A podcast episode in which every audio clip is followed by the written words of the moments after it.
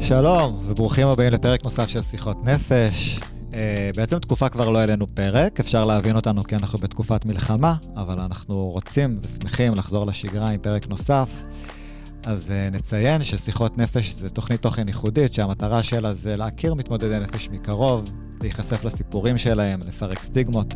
אני עודד גרינוולד, אני עובד סוציאלי, אני מלווה את התהליכים השיקומיים כאן.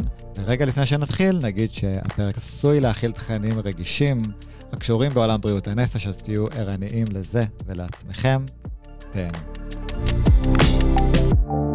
טוב, בפרק של היום אנחנו מארחים את נועם, שנועם הוא מצוות הקוקפיט, הוא בעצמו יושב כאן מאחורי המיקרופונים ואחראי על העריכה, גם במקרה הזה, ככה שהוא יכול לנהל את הפרק כמו שבא לו. אה, שלום נועם.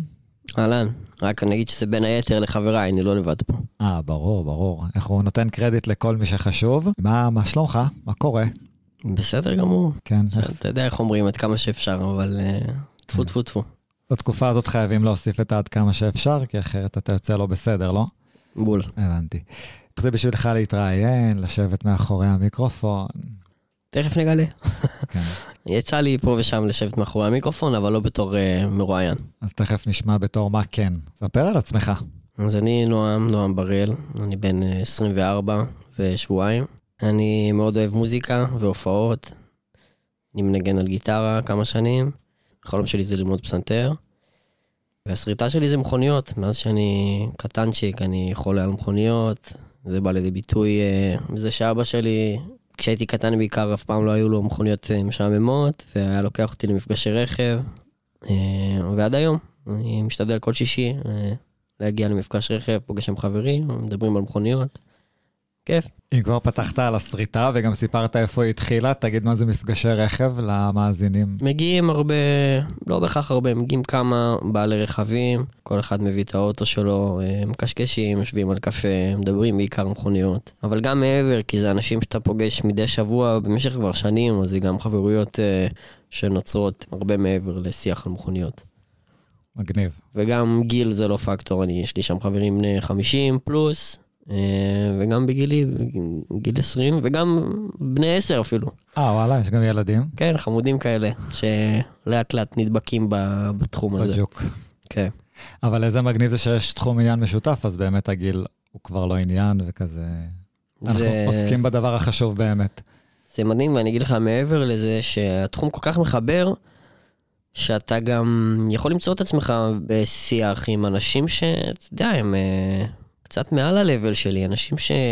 איך אני אגיד את זה? יש להם אוספים של מכוניות, ועברו דבר או שניים בחיים, מבינים קצת עניין בעסקים וזה, ואתה מדבר איתם בגובה העיניים, ואתה יכול ללמוד מהם הרבה. הבאת דוגמה שאתה מדבר עם אלה שמעליך, אבל אתה גם מדבר עם אלה שכביכול מתחתיך. ציינת את הילדים, וזה כאילו זה משמעית. לכל כיוון. חד משמעית.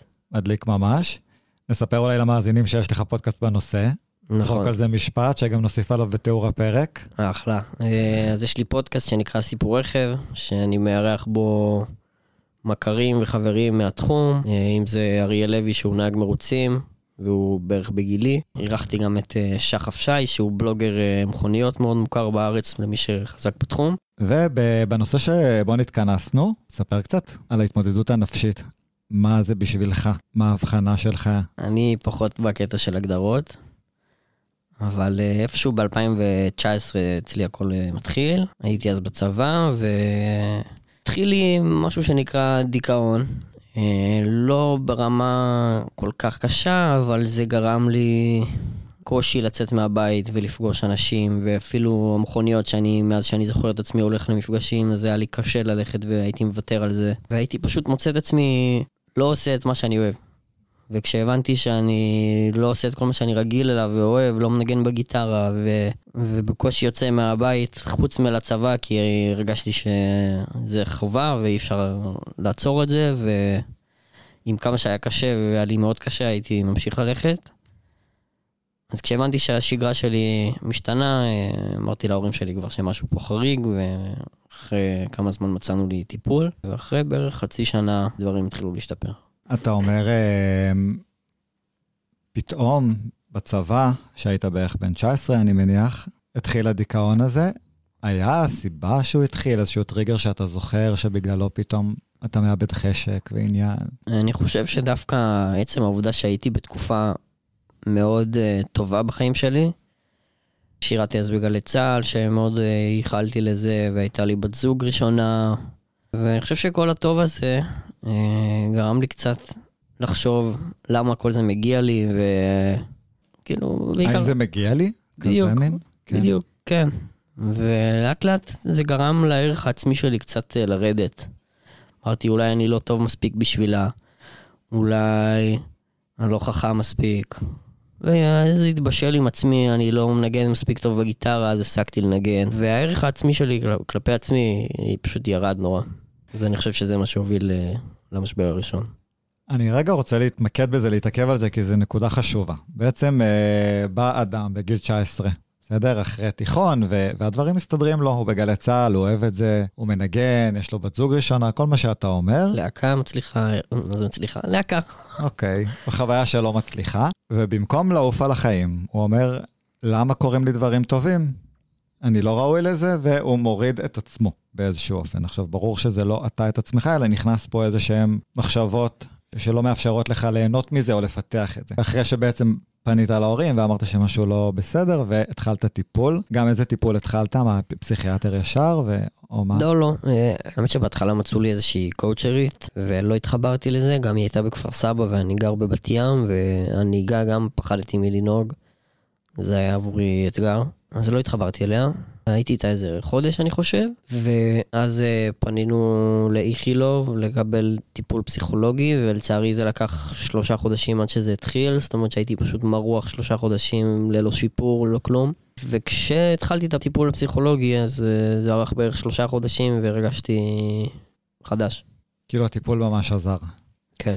אולי חשוב להגיד, אמרת על ה... שלצד הדיכאון עדיין תפקדת ועשית מה שצריך כי לא הייתה ברירה, אז סביר להניח שבשביל המאזינים ולתת לזה ככה הגדרה, יש דבר כזה שנקרא דיכאון מתפקד. שיש דיכאון קליני שבו לא משנה כמה אתה אמור וצריך, אנשים לא מצליחים להוציא את עצמם, אבל בדיסטמיה, שזה דיכאון מתפקד, עדיין מצליחים איכשהו לעשות את מה שצריך וחייבים, פשוט בלי חשק, ואני מניח שזה באזורים האלה. כן. אז זה, זה בתכלס מוביל אותנו להמשך. כן. שאחרי שהייתי בערך אה, חצי שנה בתחילת 2020, אפילו שמונה חודשים, הייתי, הייתי ממש אה, פורח. כאילו, נהניתי מהעבודה בגל"צ, וחפפתי המון אנשים, והרגשתי שאני עושה עבודה טובה. והייתי מנגן הרבה בגיטרה, והולך למפגשי מכוניות, וחי. ואז קיבלתי בום חזק, עוד פעם, שהיכה חזק יותר, אה, זה גרם לי להפסיק ללכת לצבא. זה היה לקראת השחרור, בערך אה, שלושה שבועות לפני. פשוט לא הגעתי, לא הודעתי לאף אחד, פשוט נעלמתי. אה, בקושי הייתי יוצא מהבית, מהחדר, לקום לשירותים זה, לפעמים זה פקטור, כי אתה, אתה פשוט מדלג על הכל, אתה לא אוכל, אתה לא שותה, אתה... אני קראתי לזה גופה עם רגליים שעובדות. פשוט ראיתי את עצמי מת, קשה להגיד את זה, אבל פשוט ראיתי את עצמי באופן חריג לחלוטין. ואיך אבא שלי אמר, פשוט ראיתי את הפרח שלי נובל, ככה אבא שלי אמר לי. אני יצאתי מזה לבד האמת, בלי טיפול פסיכולוגי, ואחר כך הייתי בכמה חודשים של אה, קצת, אה, קצת היי, קצת אנרגיה אובר. הייתי קצת מדבר שטויות, הייתי עושה קצת אה, שטויות. אה, ברמה מאנית כאילו, או שפשוט בתקופה הטובה של החיים, עוד פעם? בין לבין, כאילו, בקושי הייתי ישן בלילות, והייתי נורא אנרגטי, והייתי מדבר מלא ומהר, ולפעמים קצת היה קשה להבין אותי, ורבתי עם ההורים שלי, ואמרתי להם, אני עוזב את הבית, ו... נשמע קצת מאני. כן, מאני לא בכסף. כן. אני רגע עושה סדר בשביל הכרונולוגיה. בעצם אתה אומר, היה את ההתחלה ש, של הדיכאון, יצאת מזה בעקבות הטיפול, חזרת לעצמך, ואחרי תקופה, לקראת השחרור, ירידה עוד יותר משמעותית, שבה אתה לא מצליח להוציא את עצמך גם למה שצריך, ועושה איזשהו תהליך פנימי, ומתחיל המצב הזה שאתה מתאר עכשיו, של איזשהו וואי, שמחה מופרזת, אולי גם כעסים וכזה. כן, זה, זו הייתה תקופה של בערך... אה... אולי שלושה חודשים, ואיפשהו באמצע 2021, האמת שדי התאזנתי, ואפילו הגשמתי איזה חלום קטן, פתחתי עסק עצמאי עם אה, חבר טוב, מתחום המכוניות, ועשינו מה שאנחנו אוהבים, היינו עושים ניהול מדיה לסוכנויות רכב. אה, היינו ניגשים לכל מיני סוכנויות, מצלמים אה, את המלאי שלהם ומתפעלים את הרשתות החברתיות שלהם, אה, וזה הכניס אותי קצת, לימוד יותר רציני. עד שעוד פעם, אחרי כמה חודשים, מצאתי את עצמי עוד פעם חושב עם עצמי למה מגיע לי הטוב הזה לעבוד במה שאני אוהב, איך הגעתי לזה בכלל, ו... ולאט לאט עוד פעם דברים, אתה יודע, אני, אני אומר כאילו, קר לך ואתה מתקרב לשמש ואתה מתחמם, מתחמם עד שאתה נשרף, כאילו. אתה יותר מדי טוב לך ואתה מסתנוור מזה. רוצה להגיד על התקופה הזאת שקדמה לאשפוז, בעצם עד עכשיו תיארת איזושהי ירידה ויציאה, ומה קרה שם שהוביל לאשפוז, שזה באמת ככה מספר על מצב יותר חריג. נהיה לי פתאום קצת קשה לדבר עם אנשים ועם לקוחות, ופשוט חוסר תפקוד, חוסר תפקוד, לא הייתי... חושב שעזבתי את הטלפון לאיזה 20 יום, ולא הייתי מתקשר עם אף אחד, לא הייתי יוצא מהבית, לא מדבר עם החברים הכי טובים שלי. אה, בקושי אוכל, וזה הגיע למצב שגם התחלתי לדמיין כל מיני דברים. התחלתי לדמיין, אה, איזה יום אחד אה, עמדתי במרכז הבית במסדרון, כשאף אחד לא יכול לראות אותי מבחוץ, משום חלון וזה, כי דמיינתי שיש מישהו עם טנק שעומד מחוץ לבית ומכוון עליי ומחפש אותי, והמטרה שלו זה פשוט להשמיד אותי. אז פשוט קפאתי במסדרון, ושם ההורים שלי אמרו, טוב, משהו פה, זה לא עוד נגלה של דאון או משהו כזה, זה, זה דורש טיפול. ולאט לאט אה, עוד פעם אה, מצאתי את עצמי נורא מתקשה בעשייה היומיומית שלי, פחות מאמין בעצמי, אה, עד שזה הוביל אה, לאשפוז. אשפזתי והגיע. הייתי שם אה, שלושה חודשים, חודש וחצי במחלקה הסגורה וחודש וחצי במחלקה הפתוחה. ומה קורה במחלקה הסגורה? לא כיף. לא כיף. לא. לא כיף, אתה פוגש שם טיפוסים אה, לא נעימים, אה, אנשים שכל הזמן צורכים, ואני לא כל כך זוכר האמת, אבל אה, לא נעים. אתה לא זוכר אולי מה היה, אבל אתה זוכר את החוויה, נשמע, כאילו את התחושות שם. כן, לא, לא ניכנס יותר מדי פרטים, אבל אה, לא רחוק ממה שמדמיינים, אה, מחלקה סגורה אני חושב. אה, אבל באמת חשוב לציין שלמרות כל הקושי שם, אה, ההורים שלי היו מבקרים אותי יום-יום, ואומנם זה, זה היה קצת, אה, זה היה הגל האחרון של הקורונה, אני חושב, זה היה בתחילת 2022, ובגלל זה כל פעם שהם היו מבקרים אותי זה היה דרך זכוכית, ובכל צד היה מיקרופון כזה. אה, זה קצת אה, הזכיר כלא באיזשהו מקום, אבל אה, לפחות אה, יכולנו להתראות ככה מדי יום. ושם בגיע באמת התחלתי את הטיפול התרופתי שנתנו לי. התחלתי להיפגש עם פסיכיאטר אחת לשבועיים בערך, שבוע. ולאט לאט בנו לי את הקוקטייל שלי, שהתאים התאים בדיוק עבורי, בהתחלה הייתי לוקח איזה שישה כדורים, והיום אחרי הרבה זמן אני לוקח כדור אחד. וואו. כן. אפשר לראות את התהליך בכמה, בכמה מישורים. כן. גם אתה נמצא חודש וחצי, אז כן. עובר לפתוחה. כן. איך החוויה שם? אני זוכר שלא כל כך הבנתי מה זה אומר לעבור לפתוחה וזה, פשוט זרמתי עם הפסיכולוג שלי, תעשה מה שאתה רוצה, לא היה לי אכפת מכלום. וכשהגעתי לפתוחה, וואי, גן עדן, כן. מדהים. מה? כי בסגורה יש לך חצר קטנה כזאת, שיוצאים אליה באופן מסודר איזה פעמיים שלוש ביום. היא נורא קטנה, ובפתוחה יש לך דשא וחצר ענקית, ואפילו קפיטריה, ואתה חופשי לצאת מתי שאתה רוצה, ובדיוק אה, התחילה העונה קצת שהשמש יצאה. אז זה היה נהדר. זה היה באמת, אה, הרגשתי את הריפוי שלי קורה שם. איזה יופי. הטיפוסים גם יותר... אה, חד טובים, משמעית. כן. כן, באמת אה, אפשר לשמוע שהחוויות בכללי מהמחלקה הפתוחה הן טובות. אה, זה הגיוני. ספר, בעצם לא עבר הרבה זמן, נכון? על איזה שנה אנחנו מדברים? האשפוז היה בינואר 2022 עד אפריל 2022. אוקיי.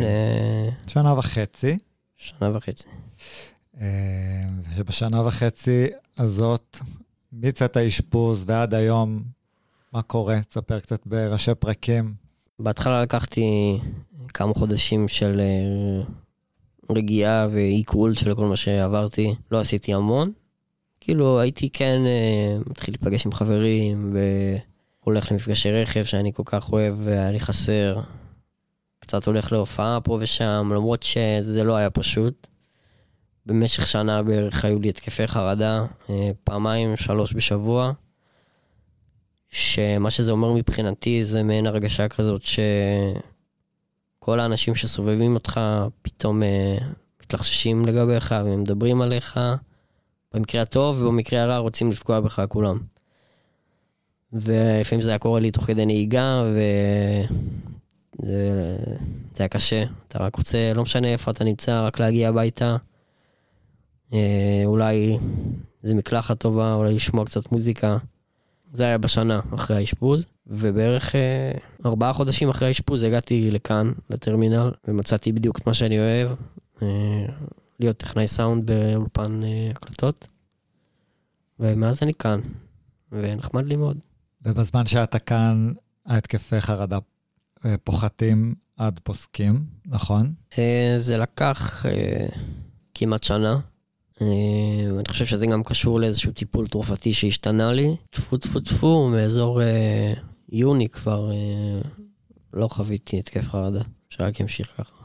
אמן. אה, אבל תגיד קצת על, ה, על התקופה פה, ככה, מה, מה עוזר לך, מה מחזיר אותך לעצמך, אולי קצת על התהליך השיקומי הזה באמת. קודם כל שגרה.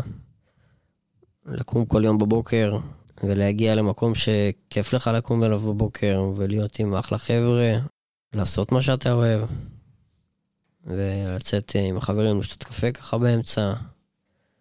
שגרה, אתה יודע, זה לא עכשיו יום עבודה שלם וגם לא חמש פעמים בשבוע, אבל זה ארבע פעמים בשבוע, וזה כמה שעות ביום, וזה כל מה שצריך בשביל אה, להתחיל, להתחיל אה, לתרגל שגרה. לפעמים אנשים חושבים שטיפול או יציאה ממשבר היא מצריכה איזשהו משהו מאוד uh, מסובך, מורכב, הוליסטי, ובאמת יש משהו בשגרה טובה, של כמו שאתה אומר, כמה שעות ולא אינטנסיבי, אבל לצאת למקום שאתה אוהב זה עולם. כאילו, באמת זה לבד, איכשהו מחזיר אותך לעצמך, אני יכול להגיד בתור מי שליווה את זה, שאני זוכר איך פגישה לפגישה אתה מתאר את ההתקפי חרדה פוסקים, ואומר לי, השבוע לי רק שלוש, ואז רק שתיים, ועכשיו כבר בכלל לא, וכבר תקופה שלא. וכאילו באמת אה, ככה, השגרה והעשייה ממש עזרו לך להתקרקע, להתאזן. אני מניח שבאמת עם הטיפול התרופתי, וזה שהיה לך עוד גורמים מלווים, אבל ככה ממש היה אפשר לראות את התהליך קורה. תגיד ככה, בוא נזרוק אותנו להיום, גם הגענו לזה כרונולוגית. אני ככה חושב על ה... גם שהסיפור הוא בעצם מהשנים האחרונות, הוא לא איזה סיפור רחוק. ויש פה איזשהו משהו שאתה מזהה, שבתקופות מאוד טובות, או שאתה עושה דברים שטובים לך, אתה גם מגיע אחרי זה הדאון. החשש הזה קיים, כי אתה אומר, מה יקרה עכשיו כשאני פתאום אחזור לעצמי, שחזרתי לעצמי, או כשאני בטוב? איפה, איפה אתה מול המחשבות האלה? אני אגיד לך משהו קצת מצחיק. נו. כאילו, לא יודע אם זה, כנראה שזה היה אצלי בראש, אבל כשזה קרה לי ב-2019 וב-2020, ואני חושב שגם ב-2021, אז הכל התחיל כזה בחודש ספטמבר. אז כאילו כל שנה הייתי נורא מפחד מאזור uh, ספטמבר. הנה, שנה שנייה, טפו טפו טפו, עובר בסדר ספטמבר, וזה גם, זה היה לי לא נעים, כי אמא שלי יש לה יום הולדת בחודש ספטמבר, ואני תמיד הייתי מערוך כזה, מגיע ליום הולדת, בקושי מוציא את עצמי למסעדה וזה. אז הנה, בשנים האחרונות, הולך טוב, חוגגים כמו שצריך. מעולה, זה אחלה נקודת ציון שאתה עובר את חודש ספטמבר והכל עובד, כנראה שאתה במגמה חיובית. גם אולי חשוב להגיד שבניגוד לאז, היום אתה באמת מלווה, ואתה מן הסתם ערני לעצמך ולדברים שבאים, ויש פסיכיאטר בתמונה. זאת אומרת שגם אם עשויה להיות חלילה ירידה, אני מניח שהרבה יותר מהר אתה תחזיק אותה ותעבוד איתה. כאילו זה, נראה לי בגלל זה נורא חשוב גם להיות באיזשהו תהליך תמיד, עם איזושהי אצבע על הדופק. לגמרי. מסכים. אפשר גם אה, לזרוק מילה טובה על הפרויקט שאני אה, מטופל בו, זה נקרא נביגייט, ויש לי שם פגישה חד שבועית עם פסיכותרפיסטית, פעם בחודש עם פסיכיאטר, וגם פעם בשבועיים שלושה עם אה, מתאמת תעסוקתית, שבזכותה הגעתי לכאן. המילה הטובה מגיעה. לקראת סיום, מה היית רוצה להגיד לאנשים ששומעים אותנו, איזשהו מסר למאזינים? אז אה, אני חושב שפשוט לא צריך לפחד מטיפול, לא צריך להתרגש מהטייטל, מהסטיגמה, מכל דבר. תבינו שאתם צריכים את זה, שהשגרה נפגמה ומשהו לא הולך כרגיל, עשו את זה לעצמכם. אל ת, תקשיבו לאף אחד מסביב שאומר לכם אחרת, ותטפלו בעצמכם. כן, נראה לי שבסוף הכי חשוב בחיים זה להרגיש טוב, ואם מישהו מבין שהוא באיזה מגמה הפוכה, שווה רגע לעצור ולהתייחס ולתת את המענה. מאוד מאוד משמעותי. איך היה לך לספר את הסיפור שלך? אני יכול לספר למאזינים ותוריד את זה בעריכה אם תרצה, שאני ונועם כבר קבענו את הפרק הזה פעם אחת, והוא לא הגיע ביום הזה, ואז קבענו פעם שנייה והוא גם לא הגיע בפעם השנייה. לא, זה היה פעם אחת. פעמיים נועם, לא נכון. בוודאות. מה? כן, כן. מכחיש כל קשר. אוקיי, אז עשינו את זה באופן ספונטני. אה, ביוזמתי. ביוזמתו, כפרה עליך, אז איך היה? היה נחמד מאוד. כן, היה בסדר? בסדר גמור. היה לי כיף לשמוע את הסיפור, כיף ומשמעותי, ואני חושב שמשהו ב... להפעיל את ההקלטה, שעוזר באמת לעשות איזשהו סדר ב... בסיפור ובתמונה, ולי זה ככה חידד כל מיני נקודות ודברים, אני מקווה שגם למאזינים. תודה על השיתוף, על הכנות, על הפתיחות.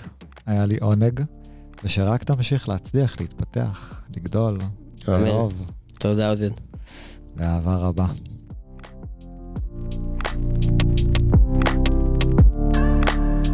עד כאן שיחות נפש להפעם. את הפרק הפיקו איתי נועם בראל שהתראיין לפרק, נתי קדר, ענבר ניסני שמובילה את הפעילות של הקוקפיט. תודה על ההאזנה, אתם מוזמנים להקשיב לשאר הפרקים בכל פלטפורמות ההאזנה. נתראה בפרק הבא.